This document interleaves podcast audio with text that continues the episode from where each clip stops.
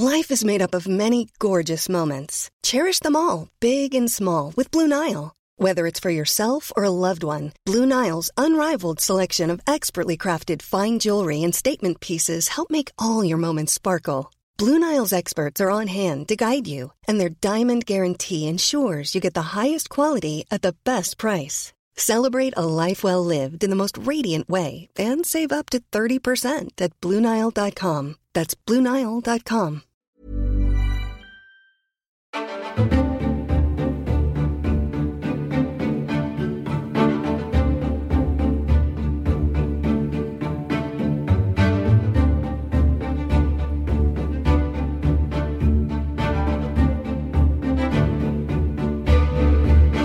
Hej och eh, välkommen till Aftonbladet Utrikes. Jag heter Jenny Ågren och det här är ju podden som handlar om det som sker i utlandet helt enkelt. Och jag har som vanligt med mig Nivet Davoud som är vår expert på det som händer utrikes. Ja, det är säkert många av er som också läser vad Nivet eh, rapporterar om i vår coronachatt också. Hej! Hej! Många strängar på min lyra. Du har många strängar på din lyra, det gillar vi. Ja. Hur mår du idag? Jag mår fint. Vad fint! Ja. Mm. Och i det här avsnittet som vi spelar in idag den 2 juni så kommer vi ta oss an det som hände i förra veckan i Belarus. Ja, vi ska snacka om den omtalade flygkapningen när president Lukasjenko tvinkade, tvinkade, tvingade ner ett plan som var på väg mot Vilnius i Litauen. För ombord fanns nämligen regimkritikern Roman Protasevich. Varför hände allt det här? Vad kan det innebära för relationerna med omvärlden för Belarus? Efter det omdiskuterade valet i augusti förra året, så, eh, då resultatet förfalskades till Lukasjenkos fördel, så har det varit protester i landet. Tusentals har gripits och flera länder, inklusive EU, har infört sanktioner mot Belarus på grund av det här. Så frågan är nu om det blir mer sanktioner och om det kan få någon effekt. Ja, vi går igenom det mesta kring allt det här. Lukasjenko och hans partner in crime, också Rysslands president Vladimir Putin. Vi kommer också ha en gäst, Anna Wislander, som är säkerhetspolitisk analytiker och som jobbar på den amerikanska tankesmedjan Atlantic Council. Vi ska prata med Anna om relationen mellan EU och Belarus och eh, EU och Ryssland bland annat och hur allt det här påverkar läget. Innan vi går in på allt det här så måste vi ändå bara göra en liten återkoppling till vårt förra avsnitt då vi snackade om konflikten mellan Israel och Palestina. Och har du inte hört det avsnittet så hittar du det där du hittar poddar såklart. Eh, vi sa ju då när vi spelade in att mycket kan komma hända. Alla har olika åsikter om den här konflikten och det är inte helt rätt att säga och göra helt rätt i det här för det är alltid någon som inte tycker likadant. Men ni vet, det blev vapenvila bara dagar efteråt. Mm. Det blev eh, eldupphör faktiskt. eh, och anledningen till att jag eh, säger det och inte vapenvila är för att det är eh, en, en väldigt skör överenskommelse och tyvärr inte mer än en eh, kortsiktig lösning, men det innebär eh, ändå slutet på 11 dagars eh, strider. Men under den tiden så har det ju också dött hundratals och det är väldigt stor förödelse i bland annat då i Gazaremsan. Mm, och nu de senaste dagarna så verkar det ju också som om Israels president Benjamin Netanyahus dagar är räknade. Det är ju väldigt intressant därför att Eh, precis när eh, de här striderna eh, inleddes så hade ju Israel hållit val och Benjamin Netanyahu såg ju ut att ha misslyckats med att bilda regering.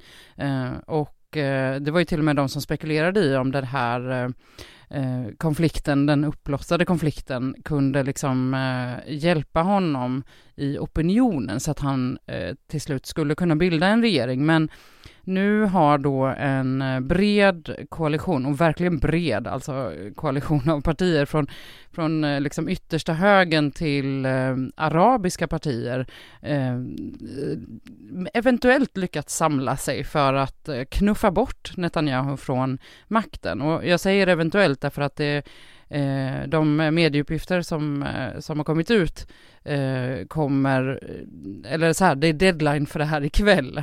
Eh, så det är väldigt mycket medieuppgifter eh, om att ja, men vi är överens eller ja, vi är snart överens. Så, så det blir jätteintressant att, att följa det här för att det kan ju bli slutet då för eh, Netanyahu efter väldigt, väldigt många år vid makten. Mm, man kan hålla sig uppdaterad på aftonbladet.se för att läsa mer. Då så tar vi och går in på dagens ämne, alltså läget i Belarus. Eh, ni vet, ska vi börja lite med vad det var som faktiskt hände? Mm, det tycker jag vi gör. Mm. Det var ju då söndag 23 maj eh, och eh, regimkritiken och journalisten Raman Protasevich och hans flickvän Sofia Sapega som är rysk medborgare, de skulle ta ett Ryanair-plan efter att ha varit på en konferens, en oppositionell konferens i Grekland. De skulle flyga till Litauen där de eh, lever i eh, exil. Och eh, Raman Protasevich, han har alltså varit eh, efterlyst i Belarus sen eh, de här, eh, det här fejkade valet då som, och massprotesterna som, som skedde omkring det. Ehm, exakt vad som hände, det liksom kommer olika versioner av det, men det vi vet är i alla fall att Eh, när det här flyget, kort, kort innan det skulle landa i Vilnius i Litauen, så eh, flög det då förbi belarusiskt luftrum och eh, då eh, ska ett bombhot ha ringts in. Eh, det här bombhotet har sen visat sig vara ett fejkat bombhot. Ehm, men det som sker är att flygledningen kontaktar piloten och säger att ni måste landa planet. Eh, och så skickas det också upp ett stridsflyg som ska liksom leda ner det här flyget för landning. Och bara, alltså tänk dig att du sitter på det här flyget och så dyker det upp ett stridsflyg när du tittar ut genom fönstret. Vilken skräck det måste vara. Eh, oavsett så eh, landar flyget i Minsk i Belarus och då grips eh, Raman och eh, Sofia. Eh, och det här är ju en helt unik, alltså helt oerhörd händelse. Mm, det är det. Eh, mm. Många har ju liksom länge vetat om att Alexander Lukasjenko är eh, auktoritär, alltså en, en diktator eh, som inte räds för att straffa kritiker. Men trots det så är, är det här ändå en häpnadsväckande händelse, ett, ett äh, agerande som verkligen förvånar äh, omvärlden för att det är otroligt arrogant att äh, använda sig av ett EU-plan på det här sättet. Det var ju, alltså Ryanair är ett irländskt bolag som flög från ett EU-land till ett annat land, ett NATO-land till ett annat land med, med alltså civila, över, över 100 medborgare från olika EU-länderna och man kan, man kan också se det på reaktionerna att FN och EU och USA var snabba med att fördöma det här och det har kallats för statsterrorism eh, till exempel och, och snabbt därefter på måndagen redan så bestämde EU-länderna att eh, man inte skulle flyga över belarusiskt luftrum. Eh, och dessutom så har också åklagare i Litauen inlett en utredning om att det här rör sig eh, om att det kan röra sig om en kapning för terrorändamål. Mm, det är så många delar i det här. Eh, och den som Lukasjenko alltså vill, ville åt är alltså Raman Protasevich som är regimkritiker och som lever i exil. Han har bland annat jobbat med Nexta som är en kanal på nätet. Han har klassats av hemlandet som terrorist. Ni vet, vad finns det mer att veta om honom? Ja, men eh, han är ju då en eh, 26-årig regimkritiker och lever, som du sa, i politisk exil, eh, både i Polen men också då i Litauen dit eh, det här flyget var på väg. Och, och varför han gör det? Ja, eh, det handlar ju då om att Alexander Lukasjenko, eh, han har ju suttit vid makten i 27 år, han kallas för, eh, eller landet kallas för Europas sista diktatur. men så har ju då en opposition börjat vakna till liv och framförallt kring det egentligen fejkade eh, presidentvalet som var i augusti förra året, för att eh, redan innan så kom liksom signaler om att det här kommer inte gå rätt till. Eh, och på valdagen så, så sa Lukasjenko att han hade vunnit och han hade fått mer än 80 procent av rösterna och eh, det här var ju någonting som, eh, som folk reagerade på och, och det skedde protester. Eh, och det hade det som sagt gjort även innan valet och och eh, de här protesterna möttes av väldigt, väldigt hårt eh, polisvåld. Eh, och dessutom så, så utropade sig också eh, oppositionsledaren Svetlana Tichanovskaja eh, som segrare eh, och menade att det var hon som hade vunnit valet. Och såklart har ju det här valresultatet också underkänts av eh, valobservatörer. Mm. Men eh, alla de här eh, demonstrationerna, eh, information om dem, om var man skulle ta sig, hur man skulle undvika eh, säkerhetspolis och vägspärrar och sådär, det kom från den här kanalen, Nexta, som eh, Raman Protasevich eh, drev då via en, en app som heter Telegram. Okej. Okay.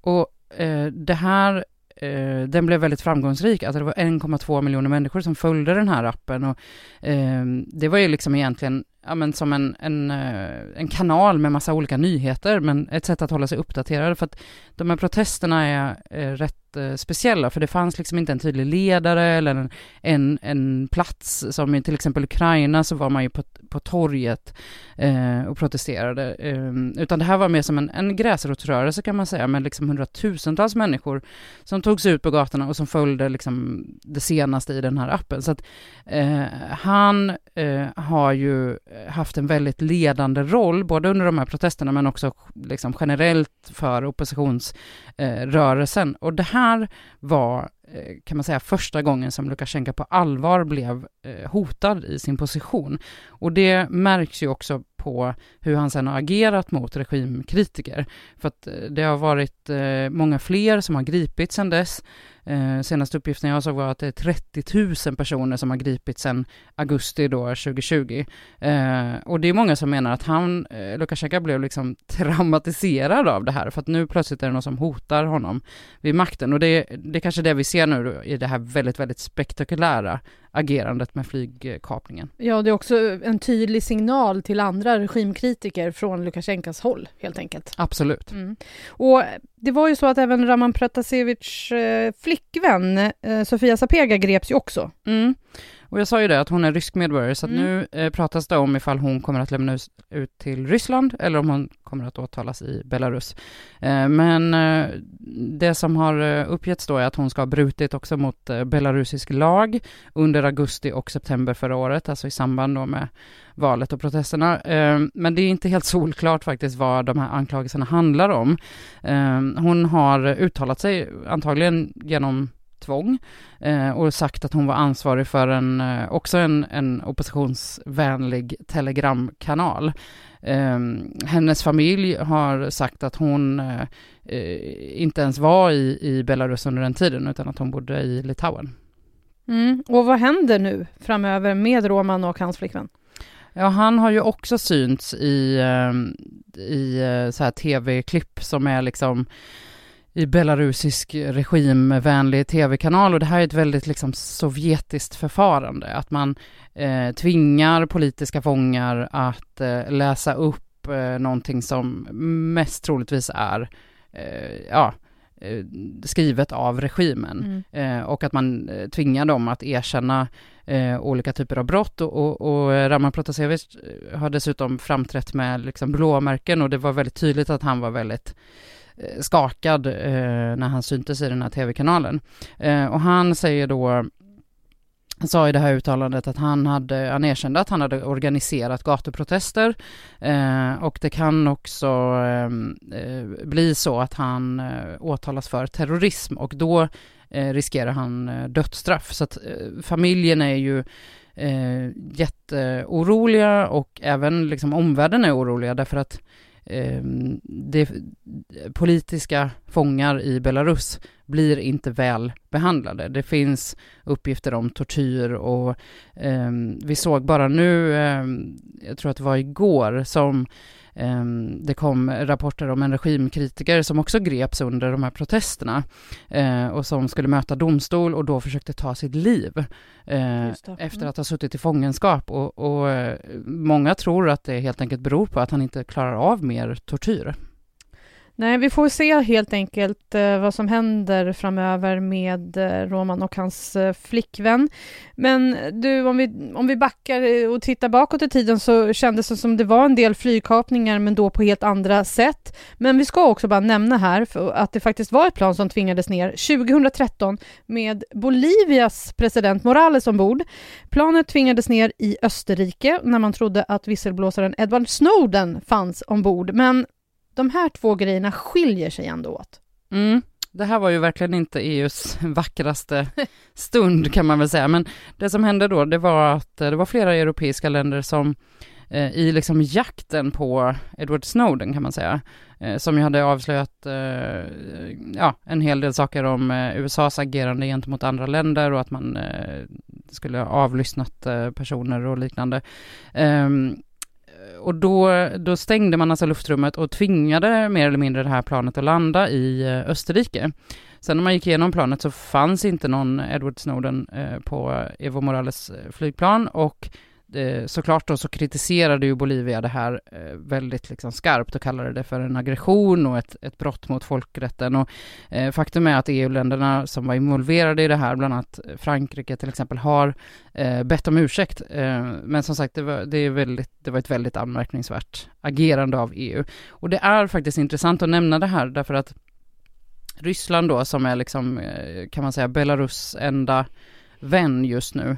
Eh, det, det, har blivit en del av Rysslands retorik gentemot EU, eh, att man säger att eh, eh, EU har liksom dubbla måttstockar när man kritiserar Lukasjenko för det här agerandet, men när man eh, 2013 gjorde typ likadant. Men det var ju liksom inga stridsflyg som var aktuella då och man grep ju inte en regimkritiker till exempel. Så ni vet, om vi tittar då lite på hur EU reagerat nu efter den här händelsen. Mm.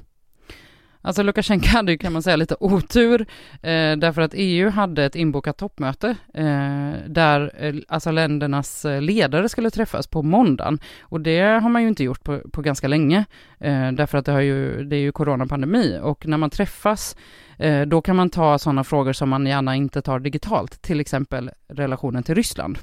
Eh, och eh, så det var ju rätt enkelt för dem att, att ställa om agendan och diskutera den här eh, oerhörda händelsen. Och det kom ju också ett ganska, för EU i alla fall, snabbt beslut om det här flygförbudet ovanför eh, belarusiskt luftrum och, och så de här väldigt tunga fördömanden. Och man kanske tänker att det här är rätt så självklart att EU skulle kommentera det här, men eh, vi har ju sett eh, att EU har rätt så svårt för att enas i eh, sådana här utrikesfrågor som, som ju detta är. Om bara kolla på det som vi pratade om i förra avsnittet, Israel och Palestina, mm. där har man inte lyckats enas, men det som eh, EU nu pratar om är att man har ju sedan tidigare efter det här valet sanktioner mot eh, Belarus, men att man nu kanske ska bredda de sanktionerna och, eh, och titta på eh, ja, hur man ytterligare kan ja, vad ska man säga, bestraffa egentligen Belarus för det här agerandet och, och hur man kan göra det på liksom ett, ett lite mer tillskruvat sätt eftersom uppenbarligen så har det inte räckt med de sanktioner som redan finns. Nej, precis. Men eh, då undrar vi också lite så här vad självaste president Alexander Lukasjenko tycker och tänker. Vad har han sagt om allt detta? Ja, eh, till en början där, eftersom han hade lite otur med EU-mötet på måndag, så Uh, han, han, var tyst faktiskt i någon dag och sen så på onsdagen uh, så kommenterade han det hela och då var det egentligen precis det som man kan vänta sig av en diktator, att han han sa att ja, men våra fiender eh, utomlands, både utomlands och inuti landet försöker attackera oss och de går över röda linjer och det här är bortom rim och reson och sådär. Och, och han menar att det här var ett bombhot som man tog på allvar och eh, det har ju tillbakavisats av Ryanair. Man har ju såklart kontrollerat det här planet och, och bedömde inte eh, det här bombhotet som eh, trovärdigt. Och Lukasjenko han har ju också en väldigt nära relation med Rysslands president Vladimir Putin vad det verkar. De träffades bland annat i helgen. Det verkade vara, av bilder och film man har sett, så verkade det väldigt mysigt. Otroligt mysigt. Alltså det var... Men det, var, det, var, det är så märkligt att se. De eh, var ju i Sochi då i Ryssland som är jättevackert. Ja, och har man inte sett bilder och film, alltså ni måste kolla upp det. måste googlas. Det måste ehm, googlas. Det, det, var, det var ett myspys av rang. Ja. Eh, nästan som när du och jag ses och liksom. Ja, ungefär Nej, så. De tog selfies Ja, det var selfies. Det mm. var liksom, och eh, faktiskt på, eh, Lukasjenko tog ju med sin son som han väldigt ofta gör, Kolja. Just det. Som eh, många tror kommer att ta över, eh, eller det är hans plan att, att Kolja ska ta över. Men han är ändå bara 16 år. Ja, men det ska börjas i tid. Ja. Nej, men äh, skämt åsido, eh, jag sa ju det tidigare att, att eh, Ryssland, eller liksom eh, Putin och Ryssland är kanske Belarus enda vän just nu. Mm. Um, och det talas ju faktiskt om att det var ryska KGB-agenter som hjälpte till att gripa Raman Protasevich. Och de här banden till Ryssland är väldigt viktiga för Lukasjenko, både nu eh, men också generellt. Eh, och, och, det är väldigt många som säger att han hade antagligen inte kunnat agera på ett så här extraordinärt sätt utan eh, Putins liksom medgivande. Eh, och Ryssland ser ju å sin sida Belarus som en, eh, kan man säga, utpost eller liksom buffert mot eh, både EU och NATO. Eh, så man vill ju verkligen inte att Lukasjenko ska bytas ut mot någon som är mer vän, liksom västvänlig och kanske till och med vill gå med i NATO. Eh, så att eh, det är en viktig relation för båda parter. Ja, för det verkar ju som att Putin riktigt är den där bästa kompisen till Lukasjenko för att han stöttar honom i alla beslut. Ja, men eh, lite som en storebrorsa. Deras relation har varit, eh, Putin har varit sur på Lukasjenko efter det här. Det var, ju inte, det var ju verkligen inte vackert för någon av dem det här när man i augusti när man gick på eh, demonstranter på ett, på ett väldigt, väldigt våldsamt sätt. Mm. Relationen då med övriga länder som USA bland annat. Hur påverkar eh, den relationen till exempel relationen med Ryssland? Ja, eh, det här blir ju liksom ganska snabbt upphöjt kan man säga till en fråga om relationerna mellan EU, eh, e Ryssland och USA. Det blir liksom ett stormaktsspel kan man säga och det som var eh, tydligt, det var ju det här med att EU agerade faktiskt ovanligt snabbt. Eh, och eh, det gjorde ju också USA. Eh, det kunde man nästan förvänta sig kanske lite mer. Man fördömde händelsen och krävde en utredning och införde faktiskt också sanktioner mot statsägda företag i Belarus, medan EUs e sanktionsplaner de lite större sanktionsplanerna, de diskuteras ju fortfarande. Ehm, så att om man, om man tittar lite på relationen USA och Ryssland, eh, då måste man veta om att de är, eh, de är riktigt, riktigt usla just nu eh, efter åren med Trump, men också, inte bara Trump, men, men det är en av anledningarna. Ehm, Även om Trump gillade Putin? Ja, precis, men, men som stater så, ja, är, okay. så är mm, relationerna ja. väldigt dåliga. Eh, och, och det, det, finns tecken på att den nya presidenten Joe Biden, att han ändå vill närma sig liksom en, en upptining av de här relationerna. Eh, bland annat eh, eh, så har man inte till exempel infört sanktioner mot eh, de här länderna som håller på och bygger eh, Nord Stream 2, den här gasledningen som ska gå då mellan Ryssland och Tyskland. Eh, och ytterligare en liksom hint om det här är att Biden och Putin ska mötas nu i juni. Eh, så det är ju, det brukar ju vara en eh, ett tillfälle när man liksom, mycket så kameror och ja, skakas hand, det kanske inte gör nu under pandemin, men, det, men att man jag, liksom... Jag tänker om det blir samma trevliga fotografering som det var mellan Lukasjenko och Putin? Kanske inte? Tveksam, Tveksam. Ja. Mm. Men ändå, det blir spännande ja. att se. Ja, precis. Men eh, det här påverkar ju såklart också eh, alltså tonen mot eh, Ryssland, för att även i EU så är eh, relationen till Ryssland väldigt, väldigt dålig efter annekteringen av Krim i eh, Ukraina 2014. Eh, så då måste man liksom, så här funkar det med säkerhetspolitik och liksom diplomati, att eh, om EU och USA eh, agerar mot Lukasjenko, på, då kan liksom det här toppmötet hotas och relationen kan, kan eh, hotas på ett mycket större plan och då måste man väga in det, vad som, ja men lite så här nytt nytta, riskbalans som man pratar, nu pratar jag som corona-reporter mm. här, men eh, som man pratar om i vaccinen, men, men vad liksom, ger det någonting, ger det mer än vad det tar och sådär. Men eh, sen också i Belarus-frågan så måste ju alltså det största ansvaret läggs ändå på EU för att, eh, ja men dels är man ju nära i, liksom det, det tillhör ju Europa eh, och man är nära allierad och det finns ett visst NATO-samarbete även om Belarus inte är med i NATO till exempel. Eh, och EU har faktiskt också varit väldigt tydliga med att det här vill man agera på. Eh, för att det handlar också om eh, ryska, alltså Rysslands sätt att agera stormakt och hela den bredare frågan liksom. Och man vill inte ha ett till Ukraina där det ju fortfarande pågår ett liksom lågintensivt krig där Ryssland verkligen så här flyttar fram positionerna när man känner att så här, nu måste vi visa mot EU vilka, att vi är stormakten. Sådär, då ska vi ta och fördjupa oss ännu mer i det här med hur allt det här påverkar omvärlden och hur EU ställer sig till det här och vad vi kan vänta oss lite framöver. Och vi har kallat in nu Anna Wislander som är säkerhetspolitisk analytiker och som också jobbar på den amerikanska tankesmedjan Atlantic Council. Hej Anna!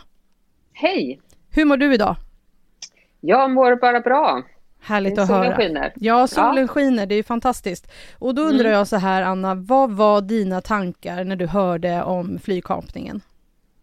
Ja, jag eh, blev väldigt häpen när jag hörde om den här flygkapningen, måste jag säga. Det är ju skandalöst, har ju många använt som ord. Eh, häpnadsväckande tyckte jag, helt utan motstycke. Eh, jag tror att man kan verkligen känna igen sig i det här, i alla fall gjorde jag det, att man alla har väl nästan flugit Ryanair inom Europa någon gång mellan ett par huvudstäder och att eh, då en diktator kidnappar ett plan för att kunna ta till fånga en, en politisk eh, ett civilflygplan med, med liksom hundratals passagerare. Det är verkligen att, att ta, eh, ta det till en ny nivå. Det, det, finns ju redan sanktioner mot Belarus. EU planerar nya sanktioner nu. Vad är det för skillnad på de sanktioner som man vill införa nu? Varför skulle du säga att de är annorlunda? Ja, EU har ju pratat nu om att eh, liksom införa en spiral av sanktioner om inte eh, Lukasjenko eh, dels friger politiska fångar och inleder en dialog om liksom, demokrati. Och man har ju haft sanktioner sedan det här misslyckade valet i augusti eh, då, då det var valfusk och han liksom behöll sin position som president trots att det inte var valresultatet. Och det har varit sanktioner riktade mot personer det som EU diskuterar nu och det som man håller på att jobba fram är eh, ekonomiska sanktioner som går via liksom sektorer på olika sätt. Det kan vara eh, pottaska eller fosfat eller betalningstransaktioner eller olja. Man tittar på, liksom, på en rad olika eh, maskindelar, alltså sånt som slår mot ekonomiskt mot eh, Belarus på ett annat sätt. Man har den typen av sanktioner mot eh, Ryssland då för vad de gjorde i Ukraina 2014. Men du, pottaska, det måste du förklara vad det är. Ja, det är någon slags gödningsmedel. Nu är jag ingen expert på just det där, men det är tydligen en stor, eh, stor tillverkning och eh, exportvara för, för, för Belarus. Eh, och det som, det, det, som ger då, alltså de här, varför de är annorlunda, det kan man säga att de slår ju hårdare då mot ekonomin för ett land och man drar sig alltid lite grann på det. För det är de som kommer i kläm är ofta folket liksom, i och med att det blir sämre ekonomiskt för landet. Eh, så det här är ju hårdare då eh, tag, men det är också för att visa att man kan inte acceptera den här typen av handlingar som, som eh, Belarus gjorde då när man kidnappade det här planet och fängslade eh, eh, Protasevich. Tror man att de här eh, sanktionerna kan få någon effekt nu då? Ja, det är intressant för man kan ju se på vad eh, till exempel oppositionen och civilsamhället, eh, liksom hur de har diskuterat eh, vad, vad är det man vill ha så att säga, för att man ska få, ha, få stöd för den demokratikamp som man har i Belarus.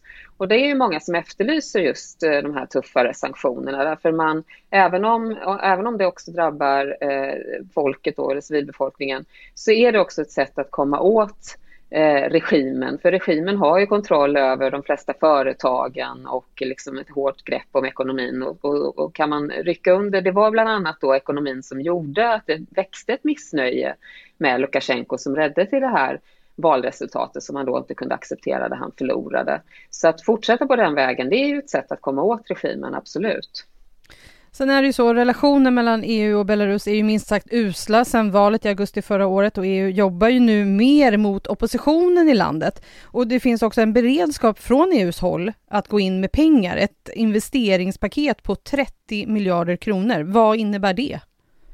Ja, men det här är ju moroten då. Om man säger att sanktionerna är piskan, liksom, så ska man också ha morot. Man ska ge, man ska rikta sig till belarusiska folket och säga det här liksom är det här är vad vi kan hjälpa till med om, om, man, om vi lyckas gå nu i demokratisk eh, riktning. Och eh, då ska man hjälpa till ekonomiskt med investeringar och, och få fart på ekonomin, eh, reformer i rättssystemet, man pratar om socialt skyddsnät och grön ekonomi. Eh, och eh, så att det är en signal, kanske inte så mycket till Lukasjenko, för det är väl frågan vad han skulle ha. Han har ju ingen roll direkt i ett demokratiskt Belarus. Det tror jag ingen, ingen riktigt ser framför sig på det sättet som man kanske själv ser framför sig att han har makten.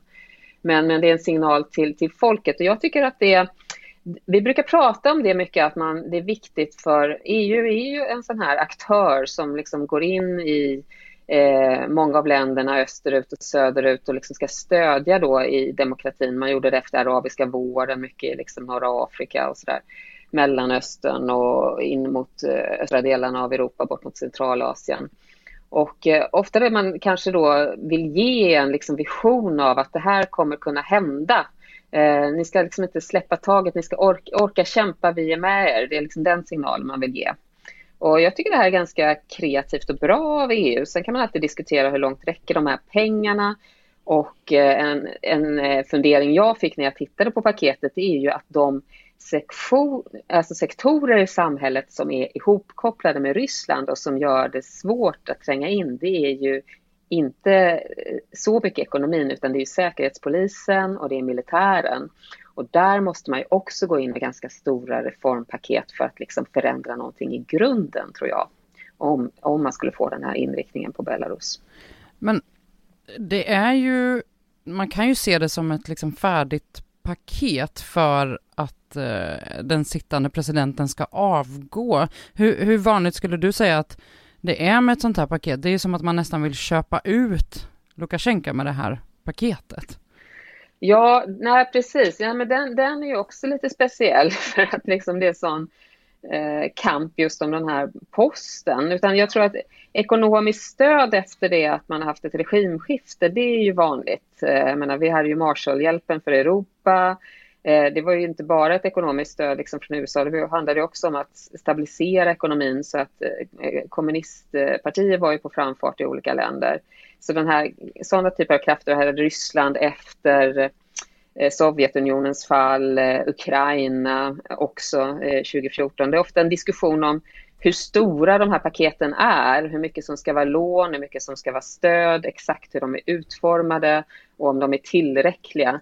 Ehm, och sen just som du säger, det, det, är väl lite prekärt det här att det är liksom kopplat till att en president ska avgå. Det är ju för att vi har den här väldigt, det är ju ändå en ganska speciell situation i Belarus som pågår just nu. Vi ser inte riktigt den här aktiv, det är en sån aktiv demokratirörelse i Belarus faktiskt, trots att han Alltså det sitter ju över 400 politiska fångar nu kopplade till, just till det här eh, kampen för ett korrekt liksom, respekt för valresultatet. Och Eh, jag hörde någon uppgift att bara under vintern så är det hundratals nya som har fängslats. Han har verkligen försökt att kväsa. Det har ju varit de här eh, demonstranterna på helgerna som gått ut i tusentals. De har ju, fått, de har ju tryckt, har han ju tryckt tillbaka något otroligt starkt. Eh, så att en sån här demokratikamp så nära inpå eh, oss här i, i EU, det, det, ser vi inte riktigt eh, längre. Det har ju tystnat neråt arabiska våren och så där till exempel. Anna, framöver så är det ju en rad toppmöten på gång. I juni så kommer USAs president Joe Biden till Europa och ska delta i olika möten, träffa G7-länderna men också eh, Vladimir Putin, Rysslands president. Förväntas EU och USA vara samstämmiga i hur man vill hantera Belarus? Ja, men det här har ju blivit en positiv utveckling i och med Biden-administrationen, att vi ser mycket mer av eh, samstämmigt agerande över Atlanten mellan EU och USA än vad det var när Trump var president. Eh, så att eh, redan nu så har man ju stäm man stämmer av till exempel kring sanktionernas utformande.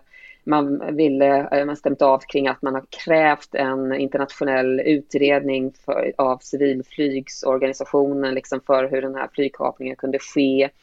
Man, man lyfter luren och samordnar sig eh, mellan EU och USA på ett helt annat sätt. Och det, det är ju väldigt positivt därför att eh, det krävs nästan för att kunna mota sådana länder som Ryssland och eh, Kina, autokratiska stater med stora eh, också stora liksom, muskler, så, så måste EU och USA vara liksom, på samma sida och vara samstämmiga. Annars så blir det lätt splittring, det blir lite eh, så att säga, det blir ingen action direkt utan, utan eh, man, man, de får in och, och tar, tar liksom initiativet på ett sätt som gör att, att eh, vi kommer i, i bakläge.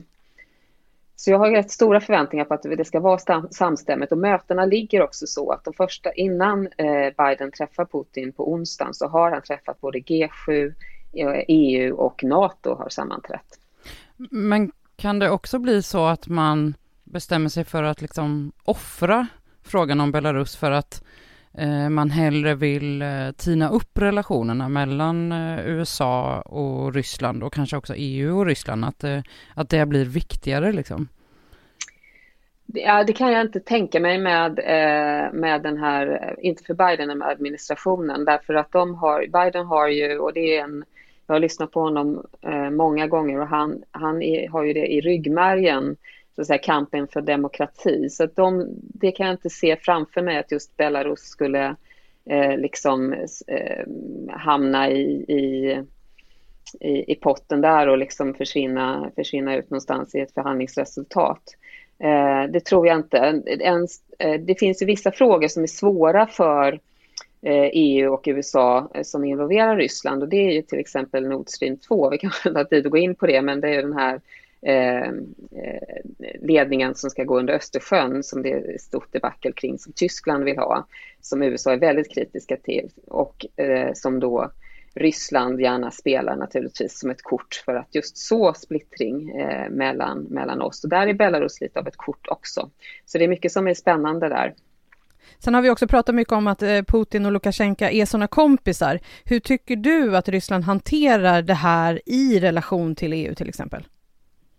Alltså Ryssland har ju verkligen tagit chansen nu. Vi har ju sett hur Ryssland har eh, spelat tufft mot EU under hela våren. Eh, vi hade den höga representanten Josep Borrell åkte till eh, Moskva för att prata med utrikesminister Lavrov och fick ju inte igenom någonting eller svar på någonting. Han upplevdes ju nästan som att han stod med byxorna nere jämte Lavrov på, på presskonferensen och, och fick ta emot liksom Lavrovs kritik över EUs hantering av, av allt möjligt.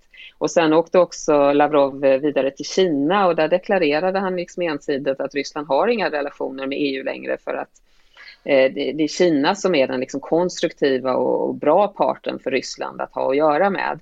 Så eh, man håller på på det här sättet och bygger upp en konfrontation mot eh, EU eh, under lång tid. Och här är ju, det vi ser i Belarus så är det ju viktigt också för Ryssland att eh, så att säga eh, Lukasjenko, han har ju haft lite handlingsutrymme under sina år som, som diktator därför att han har spelat lite mot EU och lite mot Ryssland och liksom lyckats balansera och skapa sig lite handlingsutrymme däremellan. Eh, Eh, nu så eh, har han ju inte riktigt eh, handlingsutrymmet mot EU längre, eh, helt självförvållat.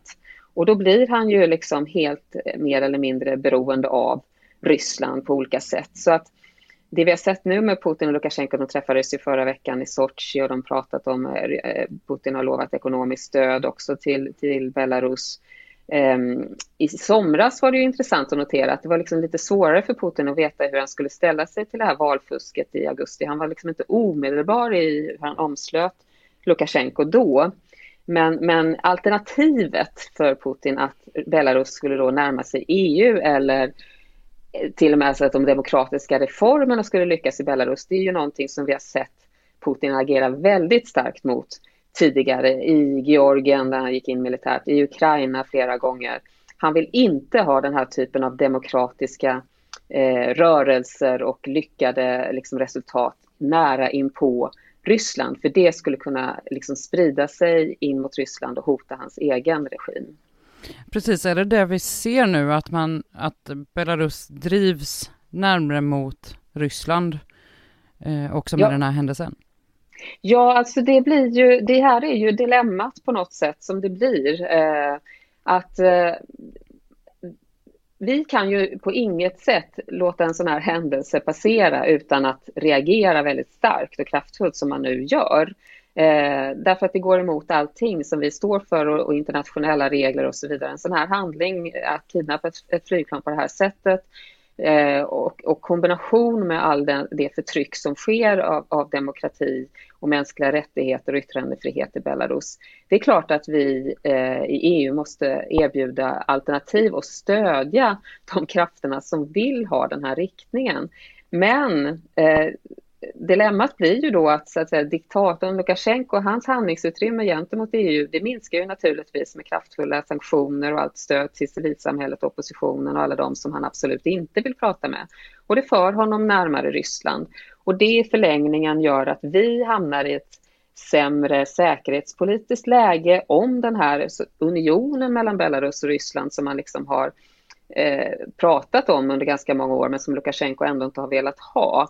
Om den skulle bli verklighet, eh, då har vi ju både att eh, de autokratiska staterna har liksom befäst sig eh, återigen eh, på den östra liksom, flanken för oss. Och vi får också ett försämrat eh, militärstrategiskt läge därför att Ryssland kan ju då eh, Eh, använda sig av Belarus på ett annat sätt än vad man kan göra nu när de är liksom bara delvis integrerade militärt.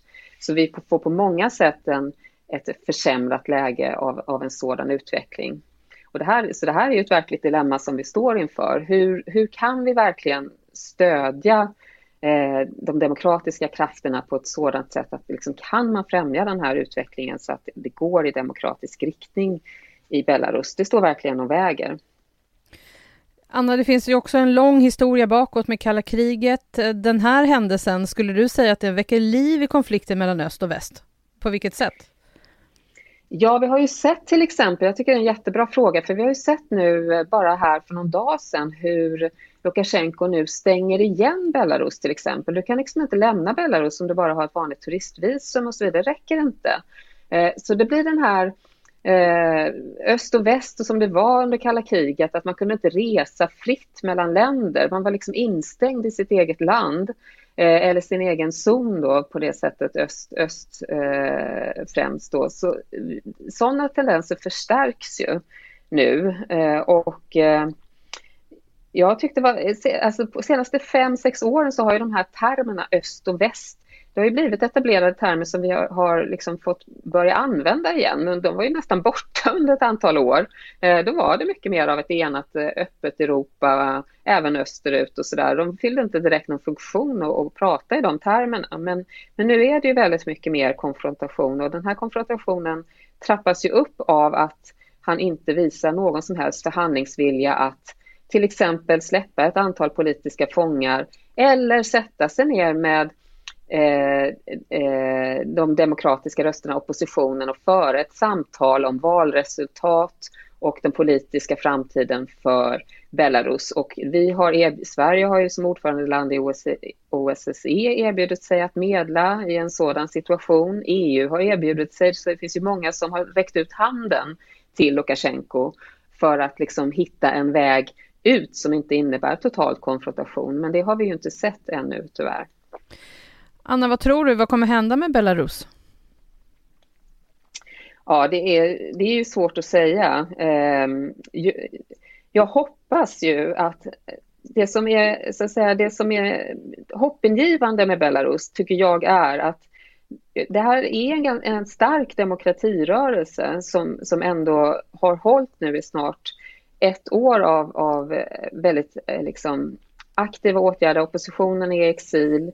Eh, vi har sett eh, omvärlden reagera eh, och ofta, det är ju det som krävs för att det ska bli en demokratisk förändring av ett, i ett annat land. Det är väldigt svårt att och väldigt svårt att hitta lyckade exempel på det när det inte har funnits en stark demokratirörelse inom landet. Alltså det egna folket i ett land måste liksom få bestämma om sin egen framtid och, och känna den kraften. Och sen är det ju då frågan, lyckas vi Lyckas de tillräckligt skickligt att driva det? Lyckas vi andra tillräckligt skickligt att stötta dem? Eh, jag hoppas det, men, men det finns ju ett lika starkt alternativ eh, och det är ju tyvärr att, att eh, Belarus då går allt närmare Ryssland och att vi får ett försämrat läge. Så det här är, jag kan inte säga om det. Jag tycker att det är, det är väldigt viktigt att följa utvecklingen och, och göra allt vi kan och hela tiden eh, se om vi kan göra, göra mer. Jag tycker att vi har ett ansvar för det och, och i förlängningen handlar det om att ett Europa, vilket Europa vi vill ha. Vill vi ha det här hela, fria och öppna Europa som vi kanske alla tog för givet för 15 år sedan att det var ändå liksom dit vi absolut var på väg.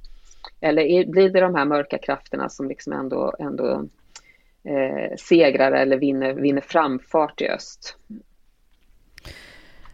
Anna, tack så mycket för att du var med i Aftonbladet Utrikes. Tack så mycket för att jag fick vara med.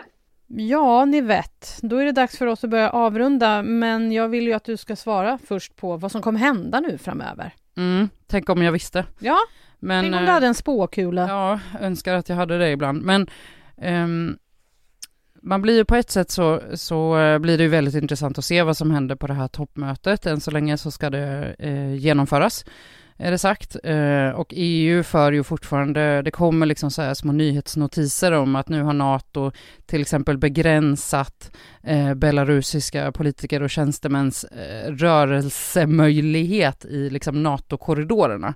För att man på alla sätt vill visa att det här agerandet absolut inte är okej. Okay. Eh, men det finns också många eh, oppositionella, eh, kanske nästan framför allt utanför Belarus, för det är de som vågar eh, prata, men som menar att eh, nu gör ju Alexander Lukasjenko allt för att behålla makten och att han har verkligen skruvat upp sitt tillvägagångssätt och det här var ju en extremt tydlig hämnd för de här protesterna. Eh, och många fasar nog faktiskt för att frågan kan dö ut för att det kan finnas större och viktigare intressen, alltså relationen eh, till Ryssland från liksom omvärlden. Och eh, alltså i värsta fall, om man ska liksom se väldigt mörkt på det, att det bara kommer, att de här eh, stackars liksom, eh, fängslade eh, personerna som, som är många, många fler än bara Roman eh, Protasevich, att de eh, Eh, blir kvar i fängelse och att det kommer liksom så här människorättsrapporter om att de har det hemskt där och att ingenting förändras. Men det är ju ett väldigt, som sagt, väldigt mörkt sätt att se på det. Eh, men, men det är ju verkligen en varningssignal att Lukasjenko hade mage att genomföra en sån här otrolig häpnadsväckande sak utan att, eh, knappt utan att blinka liksom. Och det tyder på att han ändå känner sig ganska säker vid makten. Eh, och även om det blir sanktioner eh, som blir kanske bredare, eh, så, så kommer ju inte de i sig att få Lukasjenko att avgå. Eh, så det kommer trots allt ändå inte adressera grundproblemet. En sån förändring måste ju ske i landet och med liksom, eh, befolkningens hjälp och stöd. Så kanske inte jätteljust, men eh, det är i alla fall vad vi kan tänka oss se framöver. Vi får eh, fortsätta hålla koll helt enkelt på absolut, Belarus och vi absolut. får väl hoppas att det inte händer någonting mer sånt här så att jag menar det måste ju kännas säkert också för folk att flyga till exempel eller för folket i Belarus att ens Ja, och det gör, alltså det är det ju inte just nu, så att det här är ju en fråga som är verkligen på EUs eh, agenda, så att vi kommer ju definitivt att rapportera mer om det oavsett. Det kommer vi göra och eh, läs mer också på aftonbladet.se. Ni vet, vi är klara för idag. Mm. Tack för idag. Tack själv.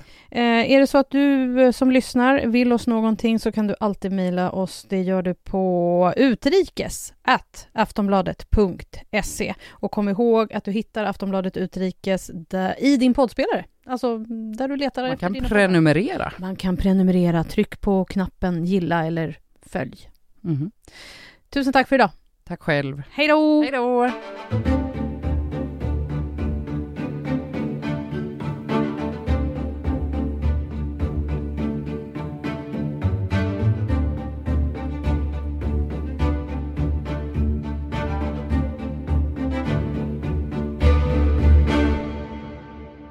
Du har lyssnat på en podcast från Aftonbladet. Ansvarig utgivare är Lena K Samuelsson.